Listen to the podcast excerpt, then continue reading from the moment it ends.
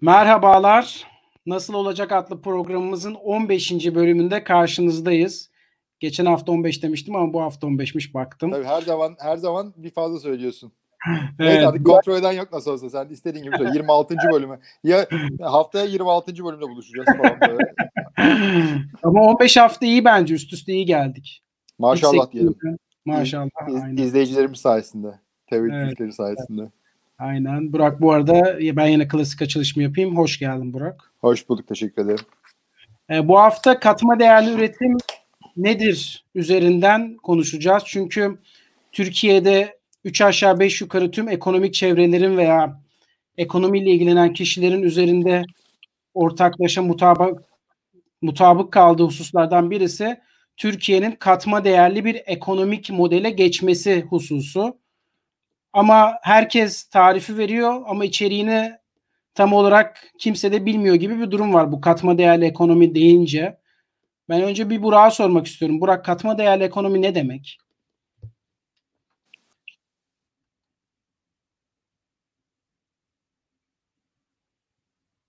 Şu an internette sıkıntım var acaba diye düşünüyorum. Burak koptun mu sen şu an? Yine Burak koptu sanırım. O zaman ben Burak gelene kadar devam edeyim. Aslında ben bir tanım yapmıştım kendimce ama Burak'ın gelmesini bekleyeceğim. Ee, yönetmenimiz sen Burak'ı görmüyorsun değil mi?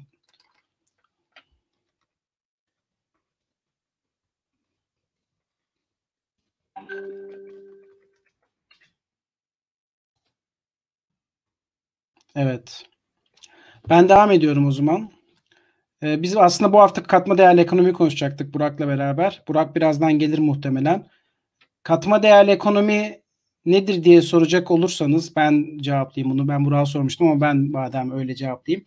Aslında katma değerli ekonomi genelde hep böyle bir makro perspektiften verilen bir unsur olarak göze çarpıyor. İşte deniliyor ki teknolojiye dayalı üretim, nitelikli iş gücü veyahut da işte e, stratejik yatırımlara dayalı bir üretim anlayışı gibi. E, ben katma değerli üretimin tam olarak aslında biraz daha basit bir dille anlaması, anlatılması gerektiğini düşünüyorum. Bu basit dilde makrodan mikroya gelen bir anlayış değil de mikro mikrodan makroya giden bir anlayış. Yani ilk başta biz bir katma değerli üretim derken bir fabrikadan yola çıkalım. Katma değerli üretimden ne kastediyoruz? Mesela katma değerli üretim en basitinden tanım olarak bakacak olursak e, bir ürünün fiyatıyla o ürün üretmek için katlanılan maliyetler arasındaki fark. Burak da geldi bu arada. Ha, selam. Selamlar. Anlattın mı? Konu bitti mi? Konu bitmedi ama bir katma değer nedir diye ben bir anlatıyordum.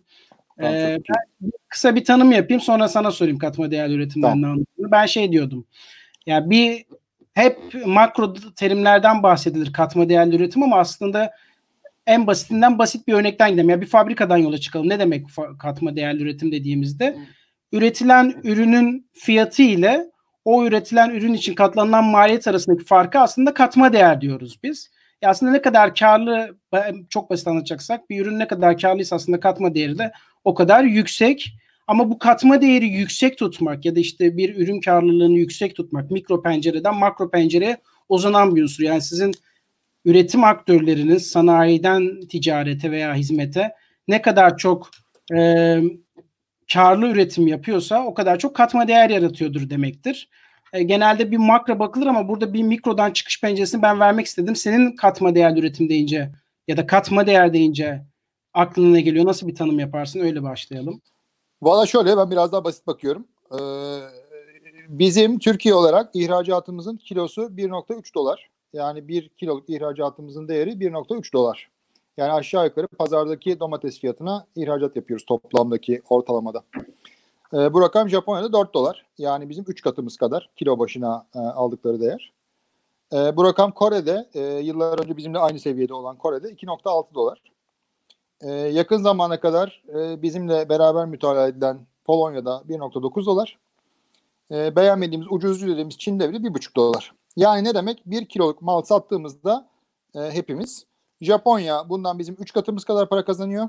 Kore bizim 2 katımız kadar para kazanıyor. Polonya bizim 1,5 katımız kadar para kazanıyor. Çin'de bizim bizden daha fazla para kazanıyor. Bence katma değer bu. Yani siz belli bir eforu koyduğunuzda ki o eforun içinde işte enerjisi, toprağı, işçiliği, işte ham maddesi, o su bu su topladığınızda, ihraç ettiğinizde o vatandaş bizim 3 katımız, yanındaki yani Japon vatandaş bizim 3 katımız, Kore'deki vatandaş 2 katımız, Polonya'daki vatandaş 1,5 katımız kadar para kazanıyor. Bence katma değer bu. Ben de katma değeri sen güzel yine karşılaştırma örnek verdin. Ben yine bu fabrika örneğinden biraz daha devam edeyim. Sen gelmeseydin devam edecektim. Ee, şöyle. Çıkabilirim yani. Yok estağfurullah. Katma değer ee, bu arada İstanbul'un ortasında e, mobil internetin çekmemesi katma değeri en engelleyen olaylardan bir tanesi. Bunu da bir faktör olarak söyleyelim. Birazdan konuşacağız herhalde katma değer nasıl arttırılır da İstanbul'un Vallahi. Bir tane çok güzel bir yorum gelmiş. Yönetmenimiz onu highlight etsin. Dijital ne? Dönüşüm ve Teknoloji Başkanımızın interneti Ya kol... işte böyle. İşte bu yüzden yatırım yapılması gerekiyor. SGT iyi, iyi bari şey yapmamış yani. Ee, en, en, en, en, azından yani çok pozitif bir şekilde bağlamış. Teşekkür ediyorum Gio SGT'ye. Şey de diyebilirdi ya bu adamın kendine hayrı yok. Nasıl ne yapacak bu adam falan diyebilirdi. Neyse ki şey pozitif bir e, şekilde bağlamış. Pardon. Şimdi tabii bu sen e, kilogram başına üründen bahsettin. Ben de şundan bahsedeyim. Yani burada daha yüksek karlılığı veya daha yüksek katma değeri nasıl elde edebiliriz? Bir, ya kaliteli ürünler üretmek olarak bu genelde ilişkilendiriyor veyahut da etkin maliyet yönetimi de bununla alakalı bir durum. Yani ben yine fabrika örneğinden gitmeye çalışacağım burada. Mikro örnekten gidince çünkü daha da net anlaşılıyor.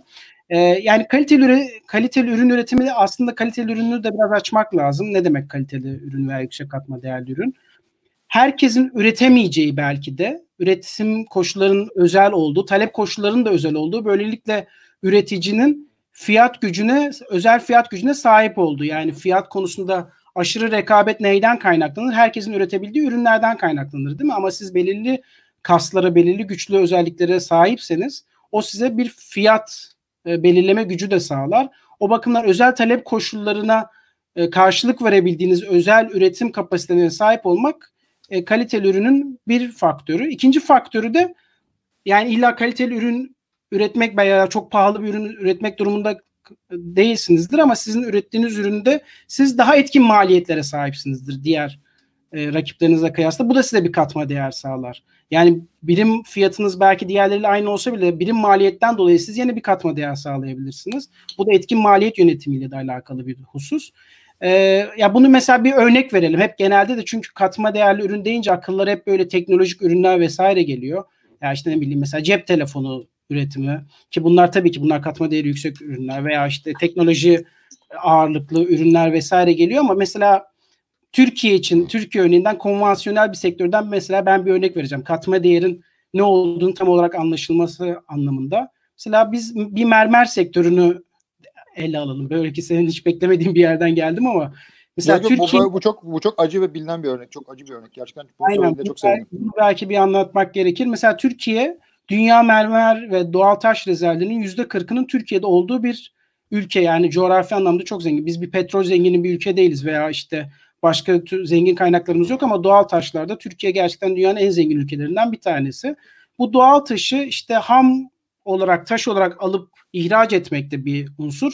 Onu işleyip böyle daha dekoratif işlenmiş mermer olarak daha böyle yüksek fiyata satabildiğiniz çünkü onun alıcıları da böyle daha gelişmiş ülkeler veya kişi başı milli gelirin daha yüksek olduğu ülkeler onlara da satabilmek mümkün. Türkiye'de mesela bu yüksek ham doğal taş potansiyeline rağmen Türkiye gidiyor ham e, taş satmayı, ihraç etmeyi daha e, Türkiye üreticileri için daha bu e, uygun geliyor veya işlenmiş ürün satmaktansa bu daha kullanışlı geliyor. Bunun mesela bu biz yüksek katma değerli üretim buradan sağlayamıyoruz. Ama bunun tabii faktörleri var. Ben bunlara girmeden önce bunu da bir katma değerin ne olduğunu anlatmak açısından sana söylemek istedim. Bilmiyorum e, sen de buradan e, nasıl bir şeye bağlarsın. Burada sana da soru sormadım ama.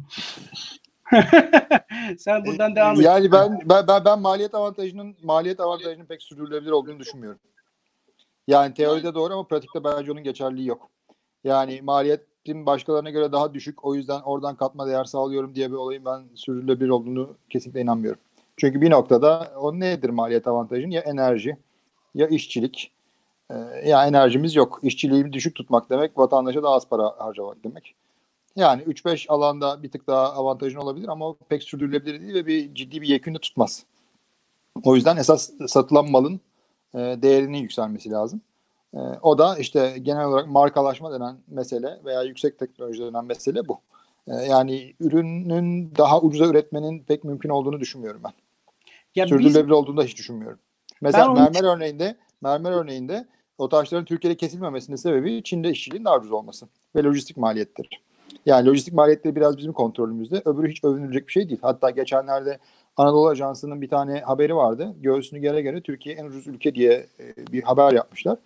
Bu valla pek sevinilecek bir şey değil. Ya birincisi Türkiye bize ucuz değil. Türkiye yabancılara ucuz değil mi? Çünkü paramız değer kaybettiği için.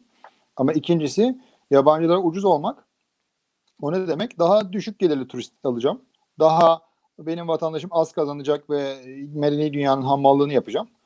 Ee, falan demek. Yani bu maharet katma değeri arttırmak ki biz yabancılar için daha değerli ürünler satan daha pahalı bir yer olalım. Ve burada e, her alan içinde geçerli bu. İlla roket yapmak durumunda değiliz. Bu tarımın da daha katma değerlisi. İşte daha organik, daha enteresan ürünler. Ee, işte senin demin verdiğin örnek gibi mermerin de daha iyisi. Ee, ya da mevcut bulunduğumuz değer zincirlerinde mesela arabada daha e, otomotivde daha katma değerli parçalar, daha fazla mühendislik e, katma değeri sağlamak gibi alanlar var. İlle yani en son teknolojiyi üretmek durumunda değilsiniz. Ama bulunduğunuz alanlarda en iyi şekilde üretim yapmak durumundasınız. Esas mesele bu. Ben şundan dolayı aslında konuyu şuraya getirecektim. Bu e, bir şekilde üretimin hem satışı hem de maliyeti kısım sermaye gerektirdiği unsuruna getirecektim. Ama senin soruna da madem öyle cevap vereyim.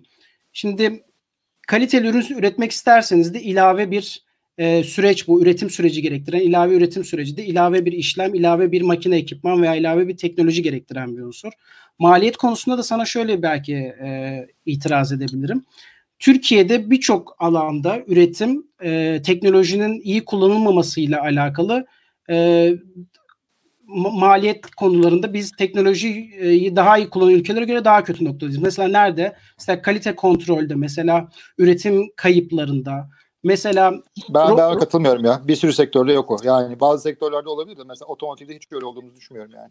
Tabii tabii ama şöyle mesela robotik süreçleri şu an mesela daha iyi kullanan ülkeleri düşünelim veya mesela şu son dönemde bu senin de bildiğin veri analitiği veya işte yapay zekaya dayalı üretim süreçleri üretim normal doğal üretim akışındaki mevcut teknolojilerdeki hataları veya kalite kontrol süreçlerini çok daha iyi iyi bir şekilde kullanabiliyorlar. Mesela Yok, bunu kullan, kullanıyor tabii de onlar sürdürülebilir değil onu söylüyorum. Yani o ancak dezavantaj yaratır. Kullanmayan elenir ama kullanan arasında bir tane kullanan çıktıktan bir sene, iki sene, üç sene sonra başkaları da kullanır. Yani o o pencereler çok kısıtlı. Yani maliyet avantajı pencereleri çok kısıtlı maalesef.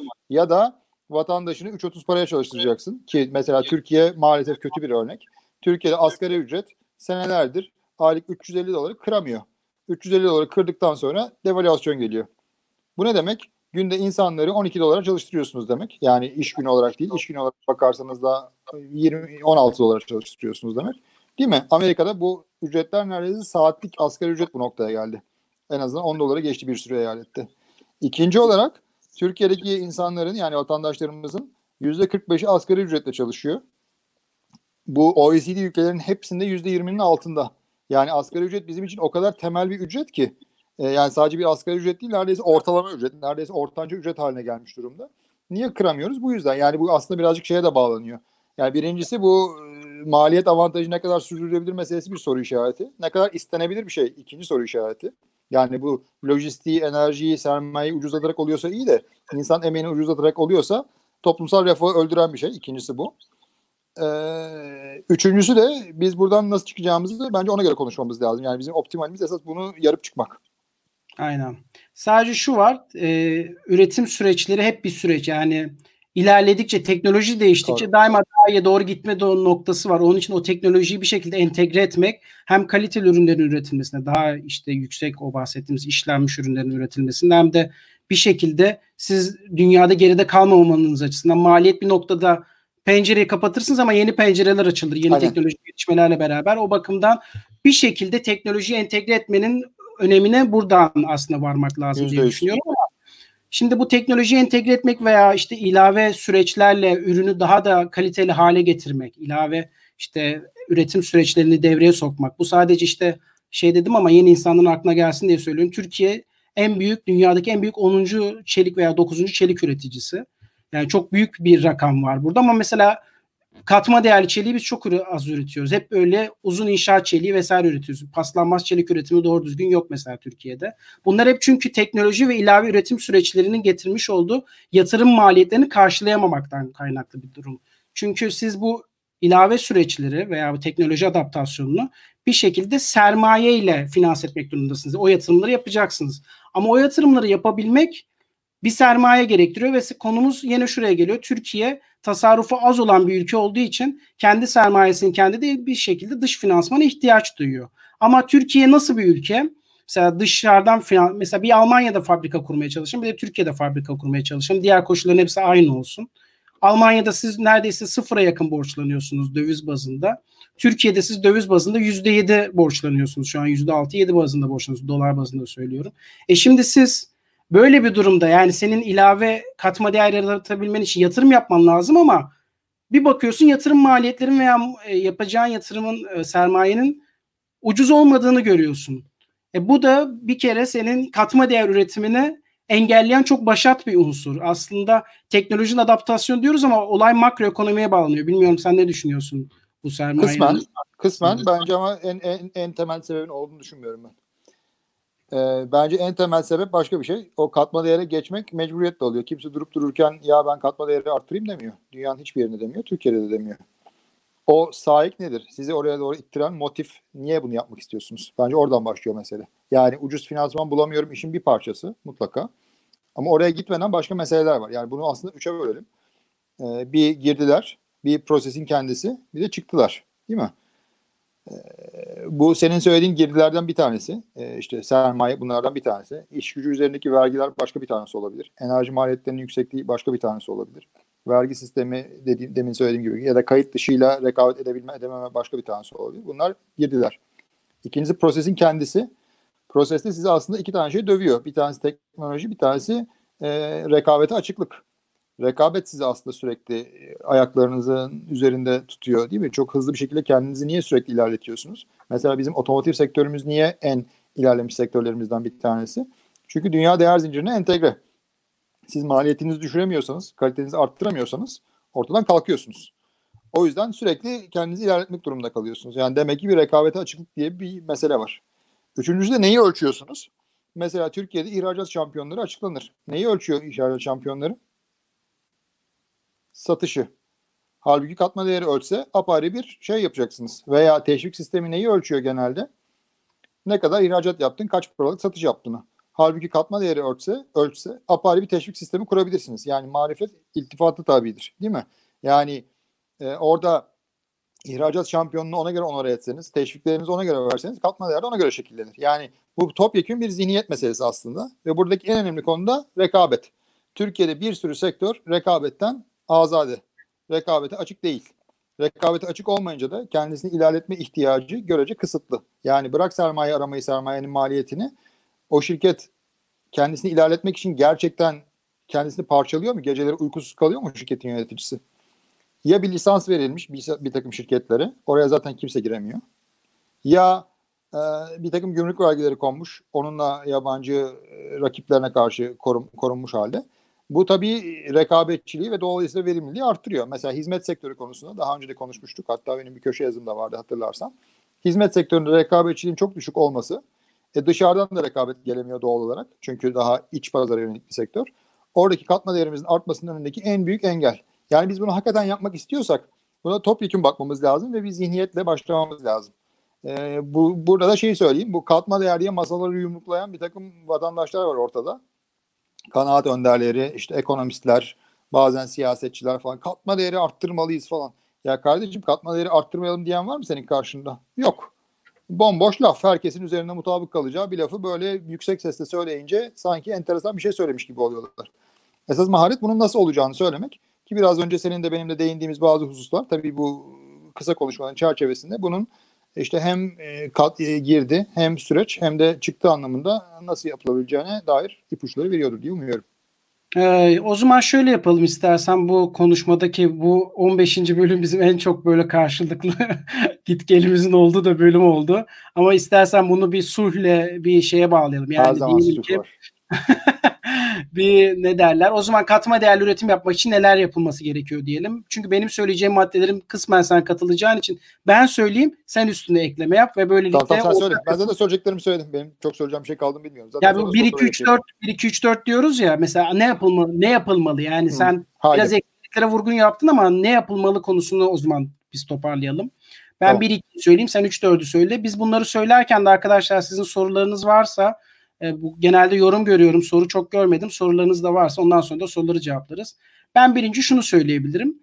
E, Türkiye'nin bir kere öncelikle öngörülebilir ve kurallara bağlı bir ülke olması lazım. Bu sermaye finansmanının mevzusunda. Çünkü bizim sermaye riskimizin yüksek olmasının tamamıyla tek nedeni Türkiye'nin e, yatırımcıların güveninin olmamasından kaynaklı bir durum. Şimdi bunu da yapabilmek için mesela bizde şöyle bir durum var. Sermaye girsin ama çıkmasın. yani bir sermayenin girişlerini sonuna kadar serbest bırakıp e, çıkışını da olabildiğince engelleyen bir ülke konumuna geldik. Şu an böyle bir ülke hiçbir zaman da sermaye gelmez. Sermayenin gelmediği yerde her zaman finansman maliyeti pahalı olur. Bu da sen her ne kadar proses olarak anlatsan da teknolojiyi o ikinci kısım olarak o teknolojinin adaptasyonunun ilk finansmanını sen yeterince cazip kılmadığından istediğin kadar zihniyetini değiştir. O maliyet yüksek olduğu sürece o Tamam onu anladık. Onu ben yeterince anladım. Sermayenin ucuzlaması lazım. Tamam onu, onu anladık. Şimdi sermaye mi ucuzlayacak? tamam onu anladık. Tamam. onu tamam, tamam peki. Sonra? Sermayenin bizim bu sermayeyi neden biz cazip hale getiremiyoruz? Neden sürekli gelgitlerimiz veya e, şey tamam, anladık ama başka diğer diğerlerine tabii, geçelim. Sermaye tabii, tabii. O zaman ikincisine geçelim. İkincisi de şu. Ben yine çok alakasız gibi gözükecek ama çok ben alakalı olduğunu düşündüğüm ee, dış politikada tutarlılık mevzusuna geleceğim. Bunun da neden olduğunu sana söyleyeceğim. Biraz tabii e, şey oldu, spekülatif oldu. Bir kere ne kadar teknolojiyi iyi adapte edersek edelim ve iyi ürün gamı oluşturacak bir e, üretim sürecine sahip olursak olalım, o ürünü satabildiğimiz sürece o başarılı bir transformasyon olur.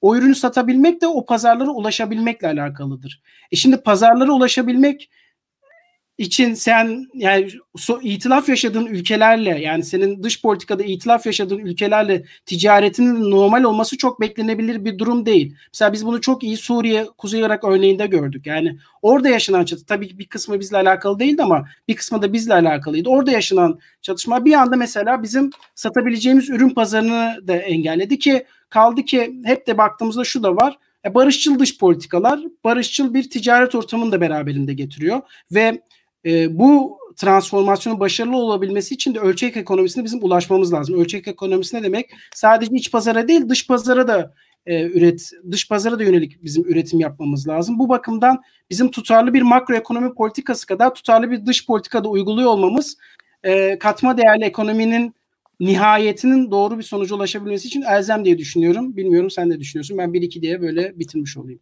Tamam ben de şöyle devam edeyim. Ee, bence en önemlisi zihniyet. Öncelikle bir katma değere geçmek istiyor muyuz, istemiyor muyuz sorusu ben çok önemli. Ben istediğimize emin değilim. Çünkü onun bir bedeli var. O, o bedeli ödemek isteyip istemediğimize bir karar vermemiz lazım.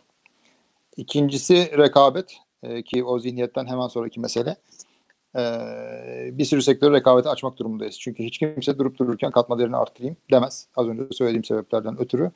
Ee, rekabetin artması lazım ki şirketler katma değerlerini arttırmak mecburiyetinde kalsınlar. Ee, yoksa durup dururken kimsenin insafıyla ya da iyi niyetiyle bu işler yürümez. Üçüncüsü girişimcilik diyeceğim. Ee, daha önce de verdiğim bir helva örneği var. Ee, belki hatırlarsın. Yani hı hı. işte bu bir taraftan bir yani unu şekeri yağı olacak meselesinde değil mi? Bu işin unu bir insan kaynağı. İnsan kaynağında konuşmadık ama kaliteli, evrensel eğitim almış insan kaynağı olmazsa zaten bunları hiç konuşmaya gerek yok. Bu işin ana malzemesi o değil mi? Bu işin e, yağı e, özgürlükler değil mi? E, bir özgür bir ortamda bu insanlar faaliyet göstermek durumunda. Bu işin şekeri finans. E, senin bahsettiğin sebeplerden ötürü. Ama bütün bunları karıştıracak olan kişi de girişimci. Bizim girişimciliğin önünü açmamız lazım ki katma değer yaratabilen, oluşturabilen sektörler oluşsun, şirketler oluşsun. Bunlar e, daha kaliteli, daha katma değerli ürünleri, hizmetleri sunsunlar. Yani özetle benim söyleyeceğim e, zihniyet, rekabet ve girişimcilik olurdu. Çok güzel. Bu rekabet ve özgürlüğe dış ticaret bağlamında da sen söyledin ama ben yine de bir son bir nokta yapayım. Böyle biz ihracat Ucuz finansman lazım. bir hayır. İhracatı sonuna kadar yapalım ama ithalata engeller koyalım. Bu çalışılabilir bir şey değil. Bir kere öncelikle senin ithalatı engellediğin ülkeler mütekabiliyet çerçevesinde senin de ihracat yapacağın ülkelere kısıtlamaları da beraberinde getirecektir. Ya da senin de ihracatına kısıtlamalar getirecektir. Yani nasıl ki sermayenin giriş çıkışın serbest olmadığı yerde eğer senin serbest ticaretin ve küresel rekabete olan entegrasyonun da serbest olmazsa sen katma değerli üretimi sadece iç pazara yönelik yapamazsın. Bu da senin bir şekilde yine o bahsettiğim o pazar ölçeği çerçevesinde de engelleyen bir durum. O bakımdan serbest rekabet ve uluslararası ticarete açıklık da bence katma çünkü genelde şöyle bir durum var. Katma değerli ülke üretim yapabilmemiz için işte ithalata sınırlandırmalar veya gümrük vergileri getirelim ki içerideki üretici daha katma değerli üreti, üretim yapabilecek imkana kavuşsun. Ben bu argümana çok katılmıyorum. Bu küresel rekabetten hem kendisini soyutladı hem de iç pazara yönelik normalde olması gereken fiyattan daha yukarıda fiyata satabilme imkanı sağladığı için bir rehavet getiriyor ve bu da bir şekilde katma değeri sınırlayan bir teş, ters teşvik olarak çalışıyor diye düşünüyorum. Biraz karışık anlattım ama e, uluslararası açıklık önemli bu noktada. E, sorulara geçeyim mi? Tabii tabii. Bir tek şu hizmet sektörünü ben söylemek istiyorum. Bu işlere üretim falan diyoruz da üretim mal ağız alışkanlığıyla söylüyoruz. Hizmet ihracatı ve hizmette katma değerli çok önemli. En az ürün, üretim kadar önemli artık. Yani siz bir yazılım satıyorsanız, siz bir dizi satıyorsanız, mühendislik hizmeti satıyorsanız e, ya da gelen turistlere saç çekiyorsanız, sağlık turizmi satıyorsanız bu da en az ötekiler kadar, diğerleri kadar kıymetli. Ee, Özay Bey'in bir sorusu var. Ee, soru şu, biraz mealen söyleyeceğim. Rant yatırımının olduğu sürece katma değerli üretim artar mı? Bir de Türkiye'de nitelikli iş gücü var mı ki teknolojik yatırımlar için bu katma değere dönüşsün gibi bir soru. Bilmiyorum ne cevap verirsin buna? Bence çok güzel soru.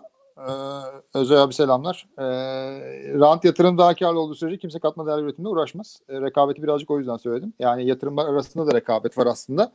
Ee, çünkü e, siz daha kolay bir şekilde para kazanabiliyorsanız bu işlerle uğraşmazsınız. Bu işlerle uğraşmanız için A başka tarafta çok ballı imkanlar olmaması lazım. E, bunların mesela rant vergisi yoluyla e, özendir, özendirilmemesi bilakis diğer tarafa doğru ittirilmesi lazım. E, ikincisi de kendi sektörünüzde rekabet olacak ki birisi sizi ittirsin. E, bu işlerle uğraşın. Türkiye'nin nitelikli iş gücü var mı teknolojik yatırımlar için? Bence var. Bir kısmı yurt dışına gidiyor. E, fakat tabii teknolojik eğitime öncelik vermek önemli. Demin de değindik bu Hello örneğinde. E, kıymetli insan kaynağı yoksa bütün bunlar bomboş konuşmalar oluyor. Sadece teknoloji açısından değil, iyi bir tarım ürünü içinde, iyi bir mühendislik ürünü içinde, iyi bir dizi çekmek içinde, iyi, bir diş implantı içinde katma değerli çalışabilecek insanlar lazım. O yüzden de eğitimin bütün odağının ideolojik eğitimden ziyade işte şöyle nesil böyle nesil yetiştireceğimden kayıp evrensel kalitede çalışabilecek, öğrenebilecek ve kendisini yeni dünyaya adapte edebilecek yollara kayması lazım. Onu belki tekrar ayrı bir şekilde konuşuruz. Fakat bence yeni dünyayı öğrenebilmek en önemli şey. Çünkü bu neslin nasıl bir kariyer olacağını hiç kimse bilmiyor. O yüzden önemli olan o yeni, yeni yetkinlikleri kazanabilecek adaptasyon kabiliyetine sahip olmaları. E, gerisi de zaten pek kimsenin elinde değil diye düşünüyorum. Ben de şuna bir cevap vereyim. E, bu rant önemli.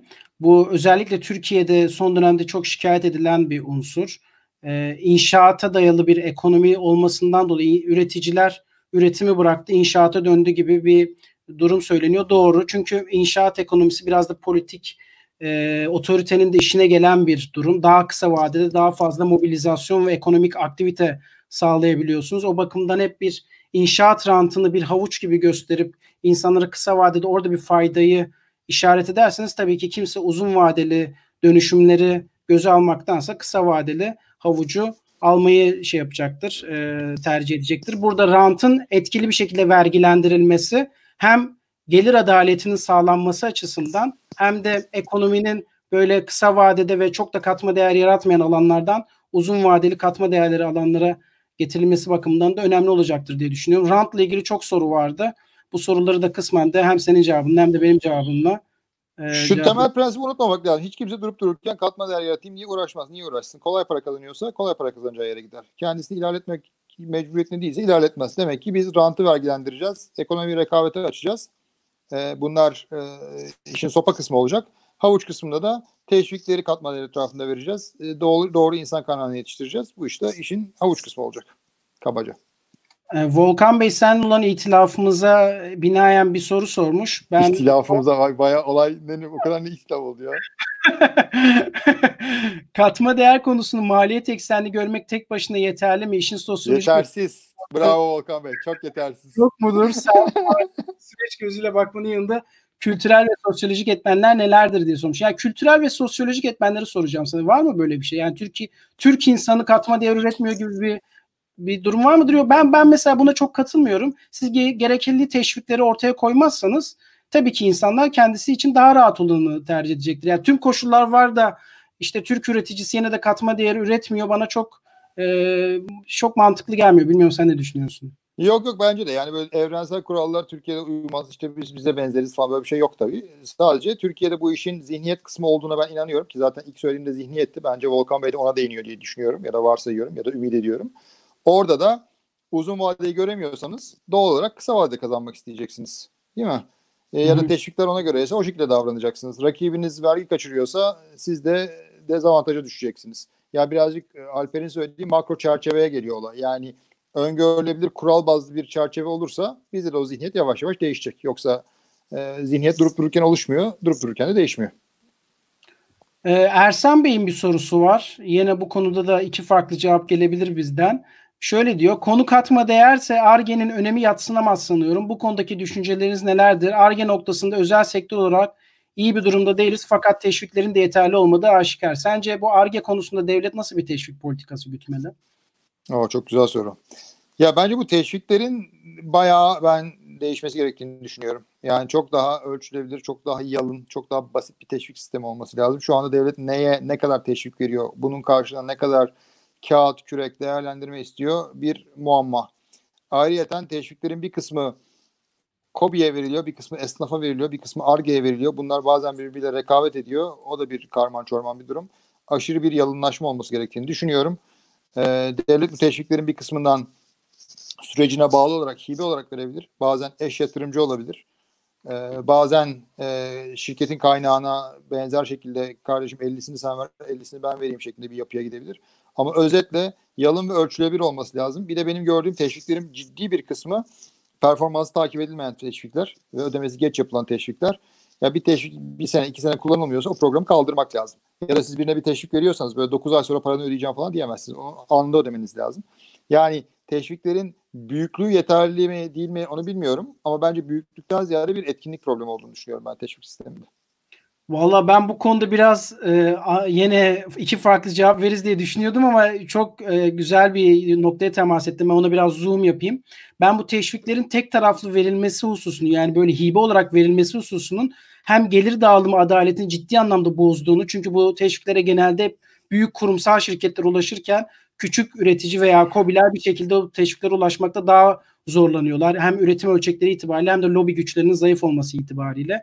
Bir bundan dolayı. ikincisi de bu teşvikler böyle denetimsiz ve sadece hibe olarak verildiğinde gerçekten etkin bir dönüşüm transformasyona da sebep olmuyor. O bakımdan bunun bir şekilde devletin ortaklık getirecek bir ya da işte devletin o teşvikten sonra da o üretim sürecinde e, bir şekilde kontrolün kontrol demeyeyim ama denetim mekanizmasını sağlayacak ölçekte minimum bir sahiplik getirmesi gerektiğini düşünüyorum. Ne demek bu? Mesela devlet gerçekten önemli bir stratejik yatırıma ciddi bir ARGE teşviği veya başka türlü teşvikler verebilir. Anlaşılır bu. Ama bu ciddi bir fizibilite ve işte belki de uzman tarafsız bir kuruluşun yapacağı çalışmalar sonrasında devlete burada minimum bir hisse verilebilir diye hep ben düşünmüşümdür bu modeli. Ve bu hisseler sonrasında bu transfer işte o bahsettiğimiz dönüşüm üretimde gerçekleşirse şayet o teşvik verilen şirkete bu hisseler halka açılır. Hem o şirket halka açık bir şekilde daha şeffaf bir şekilde o süreci yönetmiş olur hem de devlet vermiş olduğu teşviğin karşılığında gerçekten de bir hem hazine gelir elde etmiş olur hem de burada bir kazan kazan durumu olmuş olur. Çünkü nitekim Türkiye'de şu ana kadar verilen teşviklerde ben hiçbir zaman bu teşviklerin ne kadar etkin kullanıldığı konusunda bir çalışma yapıldığını veya bunun bir geri dönüşü olup olmadığı konusunda bir hesap verilme yönteminin tatbik edildiğini hiçbir zaman görmedim. O bakımdan senin bu tek taraflı olmayan teşvik modelini önemsiyorum ve e, sevindim senin onu dillendirmene. O, o, o getiri bu arada ille finansal olmayabilir. Yani ille ortaklık olayı bence birazcık fazla komplike. Fakat şöyle olabilir. Bu etki yatırımcılığını da belki bir gün konuşuruz. Etki yatırımcılığında olduğu gibi diyebilirsiniz ki başlangıçta ben bu parayı veriyorum. Bunun karşılığında şu kadar istihdam yaratılacak. e, işte bu kadar e, karlılık artacak ya da bu kadar e, yerli ürün kullanılacak. Ve sonra bunu ölçebilirsiniz ama bunu baştan ilan etmeniz lazım. Sonradan ölçmek değil de teşviğimiz başarılı oldu değil de baştan ilan etmeniz lazım. Birincisi bu. İkincisi bence Türk teşviklerindeki problemlerden bir tanesi pazarı, finansmanı ve kurumsal kapasiteyi aynı anda adreslemeniz lazım. Bu sac ayağını atlıyorsanız sadece para veriyorsanız ve şirketin pazar veya kurumsal kapasite sorununu çözmüyorsanız zaten o teşvik hiç vermeyin daha iyi. Ki bence genel problem bu. Ee, buna bir e, bütüncül bakış gerekiyor. Teşvikleri ayrı bir gün konuşuruz ama Ersan Bey sağ olsun çok önemli bir noktayı e, gündeme getirmiş. Ee, 35 dakikaya geldik. Normal süremizin sonu. Bilmiyorum senin eklemek istediğin bir husus. Bugün bugün bir soru vardı. Şey diye COBİ'lerin dijitalleşmeye olan ihtiyacı, iştahı vesairesi şeklinde. Onu bence birazcık değindik ama işte bunu rekabetle e, ve zihniyetle, teşvik yapısıyla e, ve girişimcilerin önünü açarak bence adresledik diye düşünüyorum bu soruyu ama e, adreslemediysek de tekrar belirtmiş olalım. Kimse durup dururken katma değerli üretime geçmez. Bu yönde hem havuçla hem sopayla ittirmek lazım şirketleri ve kendimizi. O zaman ben de aklıma son bir şey geldi. Bu insan iş gücü, kaliteli, nitelikli iş gücü meselesi. Sen her ne kadar nitelikli Hı. iş gücü var ama yurt dışına gidiyor desen de özellikle bu ara eleman vasfı hususunun ben önemli olduğunu düşünüyorum. Bu katma değerli ekonomiye geçişte yani teknolojiyi düzgün kullanabilen iş gücüne de ihtiyaç var. Sadece teknolojiyi kullanmak değil ya teknolojiyi entegre etmek değil. O bakımdan e, onunla da ilgili bizim bu eğitim Zeynep Hanım'la yapmış olduğumuz eğitim podcast'te önemli. O noktada bizim bir şekilde belki de dinleyicilere şu an hepsini de söyleyemeyiz ama katma değerli üretimde nitelikli iş gücü nasıl olacak? Bunun eğitim bacağı nasıl olacak konusunda bir takım cevaplar vermiştik o podcast'imizde. Onu da bir hatırlatmak istedim bu vesileyle. O çok iyi oldu. Orada da çok kaba bir hesap yapalım yine. Ee, Almanya'nın milli geliri kişi başına 45 bin dolar aşağı yukarı. Türkiye'nin 9 bin dolar aşağı yukarı idi. Yani bu Covid öncesi dünya. Ya Almanya bizim 5 katımız kadar kişi başına milli gelire sahip. Nüfuslarımız aynı. Yani ekonomimiz bizim 5 katımız kadar gibi düşünebiliriz. Ee, şimdi biz nüfuslarımız da aynı 80'er milyon. Bizde 26 milyon kişi çalışıyor. Orada 42 milyon kişi çalışıyor. Yani bir buçuk katını izah edebiliyoruz. Yani çarpı 5'in 5x'in bir buçuk katının nereden geldiğini biliyoruz. Bizden yüzde elli daha fazla insan çalışıyor orada. Hatta birazcık daha fazla. Ee, demek ki kalan 3x ya da 3x'e yakın, 3 kata yakını da katma değerden geliyor aşağı yukarı. Böyle kaba bir hesap yapabiliriz. Güzel bir hesap. Umarım herkes yakalayabilmiştir. Tam böyle çok teknik olmuyor, güzel gidiyoruz derken yine sonunda güzel bir... Bu teknik ya bunu herkes... güzel. Cebir geldi. Yok yok iyi oldu. Ee, ben Cebir geldi. Bu akşam y- y- yarın YKS var. Herkes YKS'ye hazırlansın yani. evet yarın YKS'ye girecek. Bugün de vardı YKS. Bugün de vardı. Herkes iş umarım iyi geçmiştir. Yarınki sınav içinde eğer dinleyen varsa dinleyen olduğunu düşünmüyorum belki ama varsa da dinlemiyor hepsi... olması lazım. belki de kafa boşaltmak için girmişlerdir ama kafaları bugün daha bir çok... arkadaş Bugün bir arkadaş Twitter'dan yazmış sağ olsun şey diye abi yarın sınav var dinleyemeyeceğim diye. Ona da selam söylüyoruz buradan. Süper, Sonradan işte. YouTube yayınından da izleyebilir. İşte böyle dinleyiciler lazım. Ancak YKSS varsa bu programı dinlemeyecek. Yusuf Bey şey demiş bu arada yalnızca soru cevap yapabileceğimiz bir yayın ne zaman açarız? Açarız herhalde. Ee, çünkü bazen hafta yapalım istiyorsanız. Belki yapabiliriz öyle bir şey. Onu bir değerlendirelim. Belki de gelecek hafta öyle bir şey de yapabiliriz. Ama konusuz mu diyor Yusuf Bey acaba? Evet full, direkt böyle. Full böyle. Full, atış full serbest. Atış serbest. Tamam iyi. Ha, haftaya öyle yapalım ya. Haftaya şey olsun. Ee, wow. Recep ne, ne? Bey, bu arada kusura bakma lafını ha. böldüm. Şey e, YKS'ye gireceklermiş ve bizi dinliyorlarmış şu an. İşte bu helal. Onlar kesin başarılı olur. Ayrıca demin yaptığım cebir sorusuna özellikle dikkat etsinler. Almanya Türkiye köprülemesi. Valla bugün Mabel Matiz çıkmış yani. Mabel Matiz kadar bence bunun da çıkma şansı olabilir yani. Süper harika. İyi o zaman çok teşekkürler. Haftaya okay. belki Burak onu konuşuruz. Duyurusunu sen yaparsın beraber. Twitter tamam, hesabı. Yaparız. Çok teşekkürler arkadaşlar. Başlangıç biraz böyle sorunluydu. Katma değeri düşük bir başlangıç yaptık ama sonunda düşünüyorum. Gelecek hafta görüşmek üzere. Görüşürüz. Çok selam.